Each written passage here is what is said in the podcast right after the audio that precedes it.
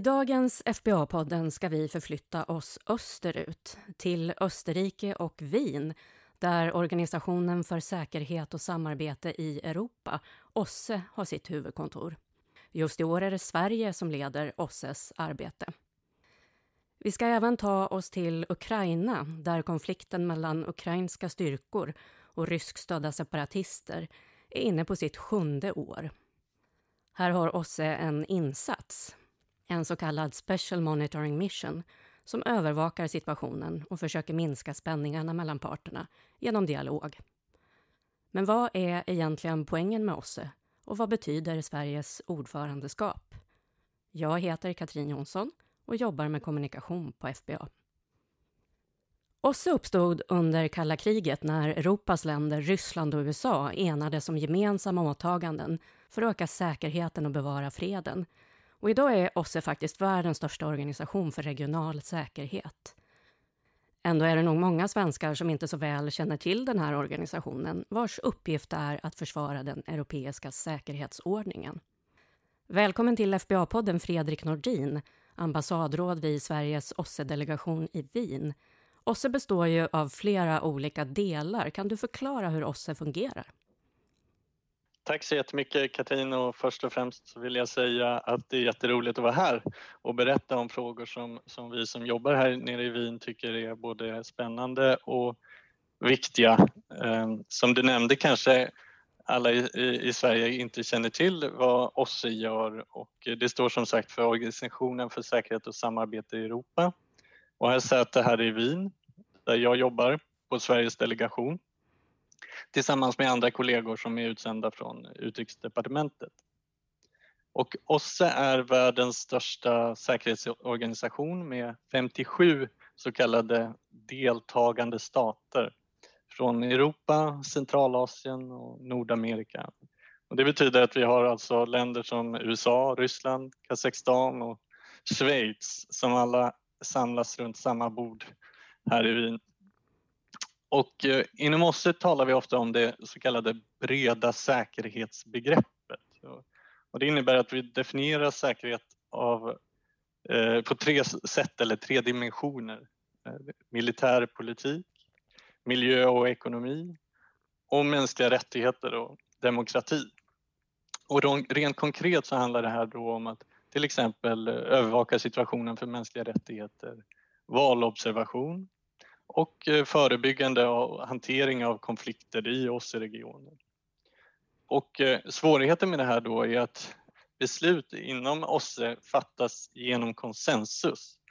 Oftast i det permanenta rådet eh, som träffas här veckovis i Wien fortfarande. Nu sker allting digitalt än så länge. Men det sker under det här året under ledning av vår ambassadör här nere, Ulrika Funered.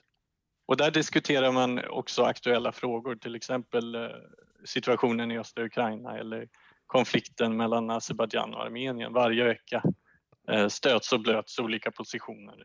Och eh, som jag sa, svårigheten ligger i att nå konsensus när det är ofta så att parterna i konflikterna också är medlemmar i organisationen. Som till exempel Ukraina och Ryssland eller Azerbajdzjan och Armenien Eh, en annan svårighet är till exempel synen på demokrati och mänskliga rättigheter som skiljer sig ganska väsentligt åt mellan till exempel EU och USA och länder som Ryssland och Turkiet.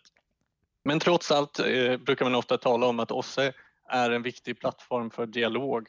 Eh, det vill säga att det är, bra att, att, länder som har olika uppfattningar och olika synsätt ändå träffas varje vecka och dryfter frågorna med varandra även om det finns djupa klyftor. Det innebär till exempel att Ukraina och Ryssland diskuterar situationen i östra Ukraina varje vecka här i Wien. Och så har det även tre autonoma institutioner som det kallas som jobbar med övervakning av mänskliga rättigheter och demokrati, mediefrihet och nationella minoriteter. Och det är kanske det trots allt som OSSE är mest känd för tror jag i, i Sverige.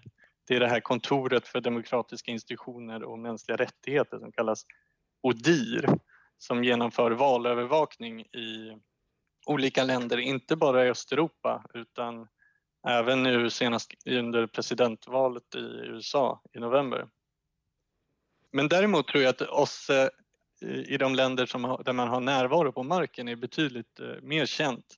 Och det är framförallt då västra Balkan och i Östeuropa och i Centralasien. Och de här insatserna varierar i storlek och uppdrag. Och den överlägset största och politiskt viktiga insatsen det är ju den i, Ukraina som OSSE har som övervakar vapenvilan och situationen för civila i östra Ukraina och som jag förstår Johan kommer att berätta mer om. Och du kommer också berätta lite mer om hur eh, ert praktiska arbete ser ut eh, om en stund. Men den 1 januari tog Sverige över ordförandeskapet för OSSE och i sin programförklaring så betonade utrikesminister Ann Linde att Sverige ska verka för att försvara den europeiska säkerhetsordningen och respekten för de principer som den vilar på. Vad menar hon med det, Fredrik, och vad, vad vill Sverige åstadkomma under det här året? Ja, vad utrikesministern menade är att OSSE ska gå tillbaka till basics. Hon har sagt det flera gånger. OSSE ska go back to basics. Och, och vad är då eh, basics? Det handlar, ja, precis. Eh, nej, men det handlar om att eh, även om det är väldigt svårt att fatta nya beslut idag av de anledningar jag just nämnde så har faktiskt alla 57 länder i OSSE gjort viktiga åtaganden som de måste leva upp till inom områden som säkerhetspolitik eller mänskliga rättigheter. Och eh, Sverige under det här året och framöver för den delen vill att de här kärnvärdena i OSSE ska stå i centrum för organisationens arbete och, och verksamhet. Och eh, det här tar avstamp i den så kallade Helsingforsslutakten som antogs 1975 som utgör grunden för hela organisationens arbete och just den europeiska säkerhetsordning som du nämnde som är en annan av våra svenska prioriteringar. Och vad vi menar med det i sin tur är att stater har rätt till sin territoriella integritet som vi ser ofta utmanas i, inte bara i Ukraina utan även i länder som Georgien. Förbud mot våldsanvändning eh, mellan stater och staters rätt att göra självständigt utrikespolitiska vägval.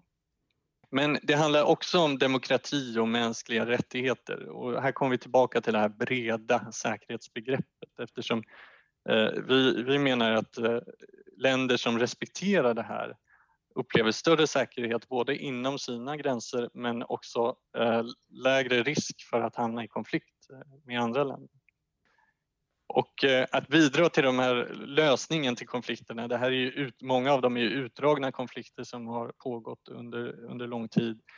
Men eh, ändå att sätta, sätta strålkastarljuset på de här konflikterna och att de ska lösas i enlighet med de här grundläggande principerna och med folkrätten är någonting som Sverige kommer driva under vårt ordförandeskap. Andra viktiga frågor är att involvera civilsamhället och stärka deras röst och inflytande i all verksamhet, liksom att driva på agendan för kvinnor, fred och säkerhet. Du arbetar ju just med konfliktrelaterade och regionala frågor på OSSE-delegationen. Ni är närmare 30 personer som driver det dagliga förhandlingsarbetet. Vad innebär det? Under våren här har vi arbetat mycket med utrikesministerns eh, resor i regionen och eh, hon är så kallad chairperson in office, det vill säga det är hon som är OSSE-ordföranden och har till stöd både oss här i, i Wien och ett eh, ordförandeskapssekretariat på UD i Stockholm. Men utrikesministern företräder alltså hela OSSE under sina resor och i internationella sammanhang. Och att just konflikterna är prioritet, det demonstreras av att hon nu har åkt till Ukraina, Georgien, Moldavien, Azerbajdzjan och Armenien så här i början av året och eh, hon reste även till Moskva eftersom Ryssland minst sagt spelar en avgörande roll i alla de här konflikterna. Och anledningen till att jag nämner det är att vi har eh, i samarbete med Utrikesdepartementet i Stockholm och Sveriges ambassader i regionen ägnat en hel del tid åt att förbereda de här resorna. Ehm, det är nämligen lite annorlunda än ett vanligt bilateralt besök av en svensk utrikesminister för det finns större begränsningar vad utrikesministern kan säga eh, i förhållande till när hon åker i nationell kapacitet eftersom allting granskas väldigt noga här i Wien. Samtidigt försöker vi flytta fram positionerna genom just att belysa de här eh, kärnfrågorna för Sverige. Eh, och en av sån fråga är till exempel internationell humanitär rätt. Jag var själv tillsammans med utrikesministern vid kontaktlinjen i Ukraina som avgränsar det regeringskontrollerade och icke regeringskontrollerade området. Och hon drev då på vikten av att försöka öka möjligheten för civila att eh, framförallt kvinnor att få möjlighet till pension och samhällstjänster. Och eh, det här är en fråga som vi fortsätter driva i samtal här i Wien. Det ger lite mer konkret eh, exempel på eh, vad OSSE faktiskt gör. Här i Wien så talar vi om besluten och dokumenten som får till stånd alla de här verksamheterna ute i regionen men det är där som arbetet faktiskt görs. Hur skiljer sig ert arbete under ordförandeskapet jämfört med ett vanligt år i övrigt? Ja, ett konkret exempel är att vi har blivit många fler. Eh, jag själv faktiskt kom hit eh, som en del av förstärkning eftersom det är så himla intensivt. Det är mycket mejl och telefonsamtal eftersom det är vi nu som driver och leder arbetet med att få igenom alla beslut. En huvudprioritet just nu faktiskt eh, som tar så mycket tid är att få alla 57 eh, länder att godkänna budget och mandat för just eh, OSSEs övervakningsinsats i Ukraina som måste förlängas varje år. Vi hade ett möte med en ambassadör i morse och just nu så har vi 56 länder som ställer sig bakom men vi behöver konsensus och alla länder måste godta besluten. Och eh, det är ofta så att det är ett land som trilskas. Så att det är väl det jag skulle säga att vi blir eh, mer intressanta också för, för andra länder eftersom vi, eh, vi driver arbetet. Och i min grupp till exempel har vi medarbetare från andra länder som alltså jobbar för det svenska ordförandeskapet. Tyskland, Finland och USA. Och deras erfarenhet är verkligen ovärderlig för de har jobbat med tidigare ordförandeskap också. Och sen är det faktiskt väldigt roligt att ha en internationell arbetsmiljö. Men i vanliga fall då, ett vanligt år, så går ju arbetet ut på att eh, försöka få inflytande för Sveriges eh, positioner i förhandlingsarbetet. Och det sker framförallt genom EU och så eh, är fallet även i år. Och där måste alltså alla uttalanden förhandlas och godkännas, inte av 57 men av såväl 27 medlemsstater i EU och det kan vara nog så svårt. Men eh, generellt sett kan man säga att det gör ju EU till en mycket tung röst i organisationen med 27 av 57 medlemsstater. Du nämnde att det finns eh, ett OSSE-sekretariat på utrikesdepartementet i Stockholm också. Vad är deras roll? OSSEs sekretariat på UD de samordnar ordförandeskapet från Stockholm.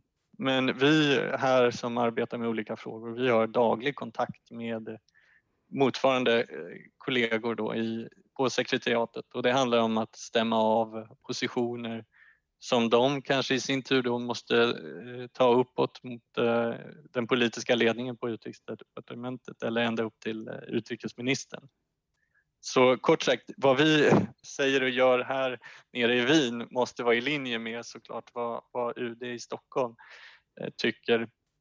Så vi arbetar inte självständigt utan väldigt mycket som ett team mellan Stockholm och Wien skulle jag säga. Och det här sekretariatet, det finns bara just nu under ordförandeskapet?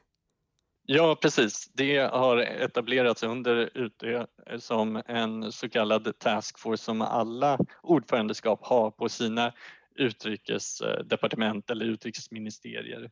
Och eh, de har då till ansvar för att leda arbetet från huvudstaden. Men eh, eh, här i Wien så försöker vi få ut arbetet i, i, och de svenska prioriteringarna i samtal med alla 57 länder så att vi har ju ständig kontakt eh, med alla andra länder för vi måste sondera vad de tycker och informera vad vi vill göra för att undvika överraskningar i, i arbetet. Så många mejl och telefonsamtal kan man säga. Jag kan tänka mig det. Nu vill jag hälsa Emma Skeppström som är ansvarig för FBAs program för säkerhetssektorreform välkommen. Tack så mycket.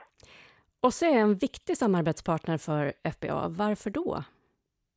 Som både du och Fredrik nämnde så är ju OSSE den största regionala organisationen som jobbar med säkerhet och därmed också med frågor som rör fred. Och FBA är ju svenska myndigheten för fred, säkerhet och utveckling så att faller sig ganska naturligt att FBA har ett samarbete med OSSE. Det är många av våra frågor och tematiker som överlappar varandra och där FBA helt enkelt kan komma in med de experter som vi har och stödja OSSEs arbete för att till exempel stärka länken mellan rättsstatlighet, eh, mänskliga rättigheter och demokrati eller som i mitt fall de frågor som jag jobbar med, säkerhetssektorreform. Säkerhetssektorreform, ska vi klara ut bara vad, vad omfattar säkerhetssektorn? Vilka aktörer är det som ingår där? Säkerhetssektorn är eh, ett väldigt brett begrepp och den, den mest smala definitionen då skulle man väl prata om militären och polisen, kustbevakning, eh, de eh, aktörer som eh, finns inom rättskedjan till exempel. Men för oss på FBA så handlar det också väldigt mycket om Eh, den civila kontrollen och demokratiska styrningen av säkerhetssektorn vilket innebär att aktörer och institutioner såsom parlament och regeringar, ministerier eller andra typer av institutioner som ska se till att säkerhetssektorn agerar korrekt eh, är involverade. Och FBA genomför ett antal aktiviteter i år relaterat till det svenska ordförandeskapet. Vad handlar det om? Sverige har ju ett antal prioriteringar som också har nämnts redan här under eh, ordförandeskapsåret och de eh, stämmer väl överens med frågor som vi på FBA också jobbar med jag tänker till exempel på mänskliga rättigheter och demokratiska principer eller kvinnofred och säkerhetsagendan med ett eh, jämställdhetsintegrerande arbete eller för den delen att arbeta med det civila samhället. Så att ordförandeskapets prioriteringar och FBAs verksamhet går, går hand i hand kan man säga där. SBA FBA har ju under många år sekunderat personal till oss och vi ska ju få höra från eh, Johan här om en liten stund. Eh, och det arbetet eh, bidrar ju till att stärka OSSEs fältinsatser med personal. Eh, vi har också varit inne på valobservation redan där FBA också är den som rekryterar och bidrar med personal till de här olika observatörsinsatserna. Eh, men om man tittar specifikt på i år så finns det också ett antal processer som är pågående där FBA är involverad i att stärka OSSEs konfliktförebyggande arbete genom att bidra till en seminarieserie men också se till att OSSEs särskilda sändebud kan samlas och diskutera gemensamma utmaningar. Och vi ska också stötta oss i att ta fram eh, nya riktlinjer för deras arbete med avväpning av före detta kombatanter. Vad gäller mitt ansvarsområde och säkerhetssektorreform så kommer OSSE under 2021 att uppdatera sina riktlinjer för säkerhetssektorreform. Och I det arbetet så stöttar FBA eh, för att bidra i de konsultationerna kring innehållet i dem. Och vi kommer också ansvara för att kopplat till de här riktlinjerna utveckla och uppdatera en utbildning kring säkerhetssektorreform som kan användas av oss eh, både vid sekretariatet men också ute i deras olika fältinsatser. Och de här riktlinjerna som ni alltså ska hjälpa till att uppdatera och utbilda OSSEs medarbetare om, vad fyller de för funktion? Jag tänker att de fyller tre funktioner framför allt. Den första är ju att, definiera och, och, utveckla vad säkerhetssektorreform som koncept och tematik innebär i en OSSE-kontext. Sedan är ju den tanken också naturligtvis att, det, att de här riktlinjerna ska kunna bidra till att eh, OSSEs arbete med de här frågorna stärks i praktiken och ute i de olika insatserna. Ett tredje sätt som jag tror att de kan bidra till är också att eh, de här riktlinjerna ska kunna harmonisera OSSEs arbete kring de här frågorna och bidra till en mer enhetlig och holistisk syn på vad vi menar med säkerhetssektorn och säkerhetssektorreform. Och just det du säger nu, är en, en enhetlig syn verkar vara det som kanske har saknats lite hittills. För de senaste riktlinjerna togs fram 2016 och eh, i dem kan man läsa att frågor som rör styrning av säkerhetssektorn har blivit allt viktigare för OSSEs arbete med att förebygga konflikter. Det nämns till exempel tidiga varningssystem, krishantering och fredsbyggande. Men så står det också i de här riktlinjerna att det saknas ett gemensamt förhållningssätt bland medlemsstaterna. Vad är det som behövs framåt, Emma? Det stämmer ju det som du säger och jag tänker att det också kopplar till det som Fredrik var inne på att OSSE är en organisation som fattar beslut med konsensus vilket gör att det kan vara svårt att nå fram till en gemensam samsyn i vissa frågor. Säkerhetssektorreform är just en sån fråga där medlemsstaterna hittills har haft lite olika syn på vad det innebär och vad som OSSE ska fokusera på vad gäller de frågorna. Så jag tänker att det är en fortsatt dialog och diskussion kring säkerhet och det breda säkerhetsbegreppet som OSSE redan arbetar inom och hur SSR, som, vi, som är förkortningen för säkerhetssektorreform, kopplar till det. Eh, och jag tänker att arbetet med de här riktlinjerna, som ju är ett internt dokument på OSSE, är ett steg i den riktningen att faktiskt hitta en gemensam syn på de här frågorna. Det är inte en självklar väg framåt för de här riktlinjerna just utifrån att det finns olika synsätt. Men att OSSE ändå kan hitta sätt att arbeta med de här frågorna i sina fältinsatser är jätteviktigt och det görs ju redan idag. Är det görbart att enas om beslut med så många länder involverade eller är det en utopi? Oj, jag tänker att det kanske är en fråga som, som Fredrik har lättare att svara på än jag som sitter i många av de här mötena och förhandlingarna. Men, men absolut, jag tänker att vi behöver ha en ambition om att åtminstone så många som möjligt ska ha samsyn kring de här frågorna. Men också kanske att prata om säkerhetssektorreform och vad det faktiskt innebär. Att det är egentligen frågor som OSSE idag redan arbetar med, men man kanske inte använder begreppet säkerhetssektorreform just. Men inom ramen för det breda säkerhetsbegreppet och inom ramen för det arbete som redan görs vad gäller liksom demokratifrågor, demokratisk styrning av till exempel militär och polis så är det ju i, i, i vår terminologi så att säga redan ett arbete som pågår inom de här frågorna. Vad säger du Fredrik? Går det att komma överens när man är så många många olika viljor och intressen. Bevisligen så går det ju eh, ibland i alla fall. Det är som Emma nämnde ganska utmanande och det finns känsligheter för eh, olika länder. Om man arbetar kreativt med att ta frågorna vidare kan man hitta lösningar som kan vinna stöd från alla 57.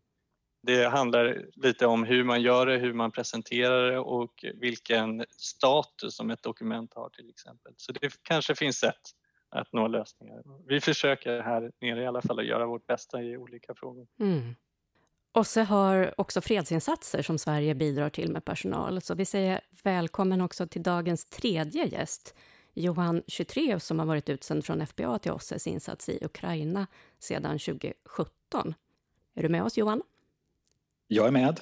Tack Här. så mycket. Härligt. Omkring 700 internationellt utsända deltar i den här insatsen som brukar förkortas SMM. Till att börja med, varför har OSSE en insats i Ukraina?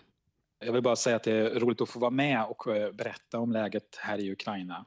Eh, när det gäller din fråga om varför vi har en insats på plats i Ukraina så tänker jag att eh, många säkert minns att det började bli mycket oroligt i Ukraina 2014 med den ryska annekteringen av Krim, demonstrationer på Frihetstorget Majdan i Kiev och även på andra platser runt om i landet. Så det var i kölvattnet av det här som OSSEs insats i Ukraina kom på plats i mars 2014. Ehm, och det var efter en direkt förfrågan från landets regering och också efter ett eh, konsensusbeslut från alla OSSEs eh, 57 medlemsstater. Syftet med vår mission då, som nu, är att vara omvärldens objektiva ögon och öron ute i landet. Ehm, vi rapporterar ju dagligen om vad som sker runt om i Ukraina från numera ganska lugna regioner men också inom den del av Donbass som kontrolleras av eh, proryska separatister. Utöver att rapportera om säkerhetsläget och den humanitära situationen så är vi också engagerade i att eh, facilitera dialog mellan parterna i den här pågående konflikten. De första två åren var du observatör och dokumenterade och rapporterade om situationen för mänskliga rättigheter längs kontaktlinjen i Donbass i den östra delen av landet.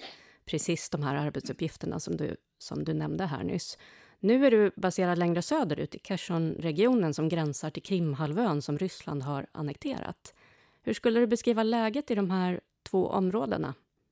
Ja, jag skulle säga att för mig som är utsänd så är skillnaden ganska stor mellan de här två regionerna, Kherson och eh, Donbass. Eh, min nuvarande stationeringsplats, Kherson, upplever jag som ganska lugnt och jag tycker att den pågående konflikten är inte så synlig i min vardag. Ehm, det pågår inga aktiva stridshandlingar här, men går man lite under ytan, som vi fredsobservatörer gärna gör, så ser vi ju att det finns olika avtryck på hur vår region påverkas av situationen på den närliggande Krim. Det bor en hel del internflyktingar från Krim i min region och hela Khersonregionens ekonomi har eh, påverkats ganska hårt av att det har uppstått eh, tre gränsövergångar mot Krim Eh, som kan jämföras mot eh, när det tidigare var helt fri rörlighet. Så Khersonområdet är numera ganska militariserat och eh, jag skulle säga att delar av det lokala näringslivet är hårt påverkat av att Krim är annekterat utav Ryssland. Så så ser det ut inom mitt nuvarande ansvarsområde men om vi flyttar blicken då till Donbass där jag tjänstgjorde tidigare i två år så ser vi då ganska stora skillnader. En del av Donbass kontrolleras sedan 2014 av eh, proryska separatister medan resten av regionen kontrolleras av regeringen i Kiev. Jag kan säga att livet skiljer sig ganska mycket för människorna beroende på var någonstans de bor. Om det är på regeringskontrollerad sida eller om det är på separatistkontrollerat område. Men det som särskilt utmärker Donbass som helhet det är det väldigt prekära säkerhetsläget. Det pågår ju regelbundet stridshandlingar i Donbass och även om det inte handlar om att vinna någon ny terräng för de stridande parterna så påverkar ju förstås eldgivningen civila bosättningar som ligger vid den gränslinje som skiljer områdena åt från eh, det territorium som kontrolleras av Kiev kontra det territorium som kontrolleras utav separatister. Så sammanfattningsvis så kan man väl säga att skillnaden mellan Kherson och Donbass är stor och eh, man kan väl konstatera att konflikten tar sig eh, ganska olika uttryck beroende på var i Ukraina man är någonstans. Eldgivning sa du. Då menar du att det är, det är skottlossning helt enkelt i det här området? Ja, i Donbass är det ju som vi säger då mer kinetic, eh, där det kan pågå eldgivning mellan de två sidorna. Och området är ju också kraftigt minerat, vilket gör det väldigt svårt för civila i området då, va? när man rör sig över fält, man rör sig längs med floder och eh, det kan ligga miner i terrängen. Idag arbetar du som biträdande chef för SMMs fältkontor i Kherson. Hur kan en vanlig arbetsdag se ut där? I princip så handlar ju vårt arbete om att eh, planera patruller, att genomföra dem och analysera den information som kommer in under dagen. En vanlig arbetsdag nu ser ju ganska annorlunda ut med en pågående pandemi i bakgrunden. Mycket av vårt interna eh, samarbete inom fältkontoret sker ju digitalt vi har dragit ner på vår fysiska närvaro på fältkontoret och vi försöker jobba mer hemifrån. Men min egen arbetsdag den börjar ju tidigt på morgonen med en digital briefing från eh, vårt högkvarter i Kiev. Där går man igenom det senaste dygnets händelser runt om i landet. Och efter det mötet så fortsätter jag själv då med ett eh, morgonmöte med vårt eget eh, fältkontor. Och det sker också numera via en digital plattform på grund av den pågående pandemin. Och sen under förmiddagen då åker våra patruller ut i fält. När det gäller patruller ute i regionen så fortsätter de i princip som förut. Ehm, det är viktigt, tycker jag i alla fall, att insatsens närvaro ute i fält inte påverkas för mycket av eh, pandemin utan att vi försöker fortsätta att fullgöra vårt uppdrag. Ehm, men vi har ju samtidigt särskilda restriktioner för att minimera onödig exponering och eh, smittspridning gällande vår personal. För egen del så försöker jag ibland att följa med ut på patrull men oftast är jag kvar och eh, försöker hålla koll på var alla är någonstans och jag är även standby om det skulle uppstå några problem för våra patruller som är ute. Och under eftermiddagen så får jag in en dagrapport från en kollega som jag läser och godkänner innan vi skickar den till insatsens eh, högkvarter i Kiev. Och framåt midnatt så kommer ju missionens egna dagrapport och den läser jag ju då för att försöka få en uppdatering kring eh, vad som har hänt under dagen runt om i landet, eh, särskilt då hos eh, andra fältkontor. Ungefär så ser det ut och nästa morgon så fortsätter det då på ungefär samma sätt. Lite cykliskt eh, upprepande sådär. Vad kan det stå i de här rapporterna?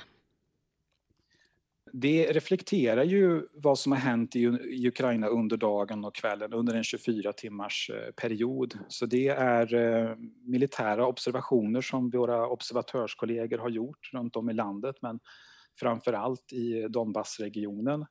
Eh, det kan handla om det är några civilian casualties som vi säger på engelska, det vill säga om det har uppstått några incidenter med omkomna eller skadade civila eh, i landet. Det finns även inslag av eh, olika politiska möten som mina kollegor har haft med olika samhällsföreträdare. Så det är en, det är en ganska, bred, ett ganska brett innehåll i dagrapporten. Men fokus ligger ju förstås på säkerhetsläget och med ett vaket öga för vad vi kallar för early warnings, alltså tidiga varningar om det finns risk för eskalation i något område till exempel.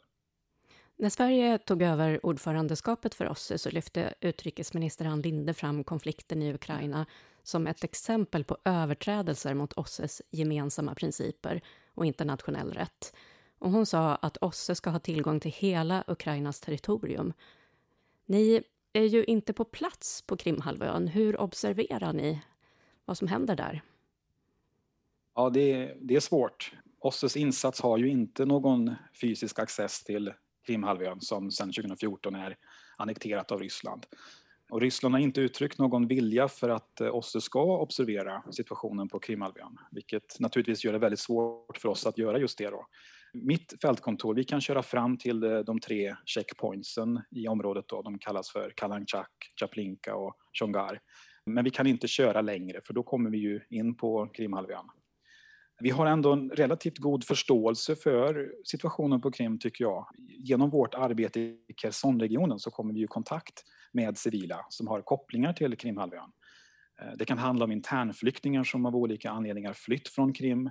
Det kan handla om den etniska minoriteten krimtatarer som finns representerade på vår sida.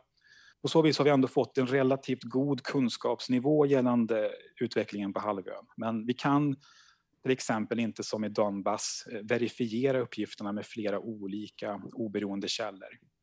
Vi följer också då eh, ukrainska och ryska mediers rapportering om och från Krim för att försöka få en bättre känsla för vad som är aktuellt där och just nu. Men man måste komma ihåg att eh, man behöver ta alla sidors medieuppgifter med en ganska stor nypa salt. Så jag skulle nog snarare säga att Krim är en del av vår allmänna omvärldsbevakning men inte att vi observerar det på samma sätt som vi observerar Kherson och andra regioner.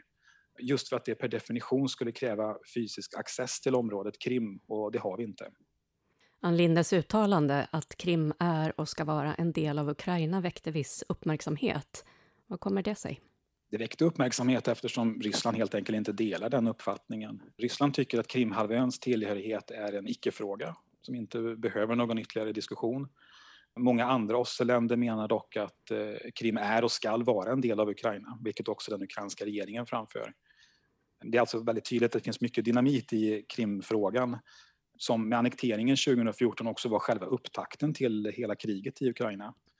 Så jag får väl konstatera att Ann Lindes uttalande var väldigt tydligt och det kom i en tid när situationen på Krim hamnat lite i den globala medieskuggan och att det hamnade på nytt i ljuset genom att ordförandelandet Sverige lyfte fram det så tydligt och eh, reservationslöst får man säga.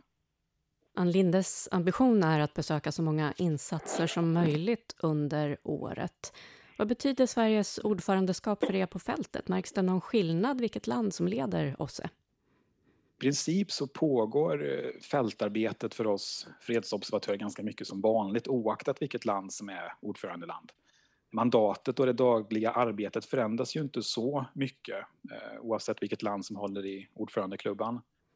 Men med det sagt så tror jag ändå att det betyder en hel del vilket land som leder oss under året eftersom ordförandelandet som Fredrik nämnde här tidigare har en stor möjlighet att försöka sätta sin prägel på vilka övergripande frågor som bör hamna i särskilt fokus.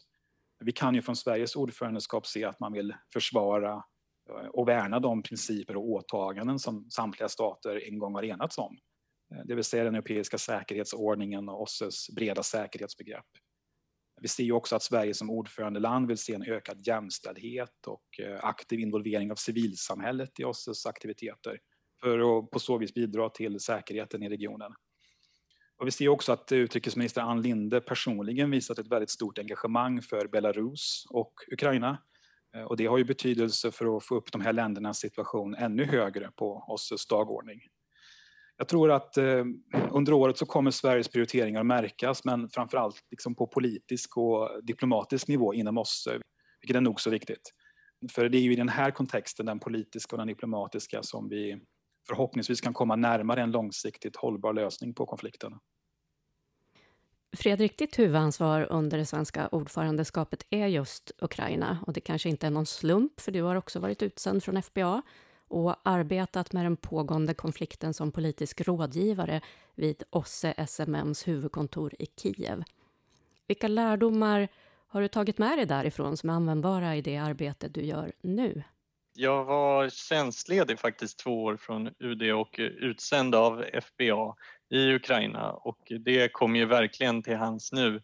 Jag fick en insyn i hur OSSE fungerar som man inte får här från Wien utan jag fick en förståelse för vad OSSE gör på marken. Här förhandlar vi mandat och uttalanden och budget men det känns ibland som ganska långt från verksamheten. Så att, eh, att kunna vara på plats i Ukraina och eh, i SMM som båda är huvudprioriteringen för Sverige så har jag kunnat få en bättre förståelse av vad det egentligen handlar om.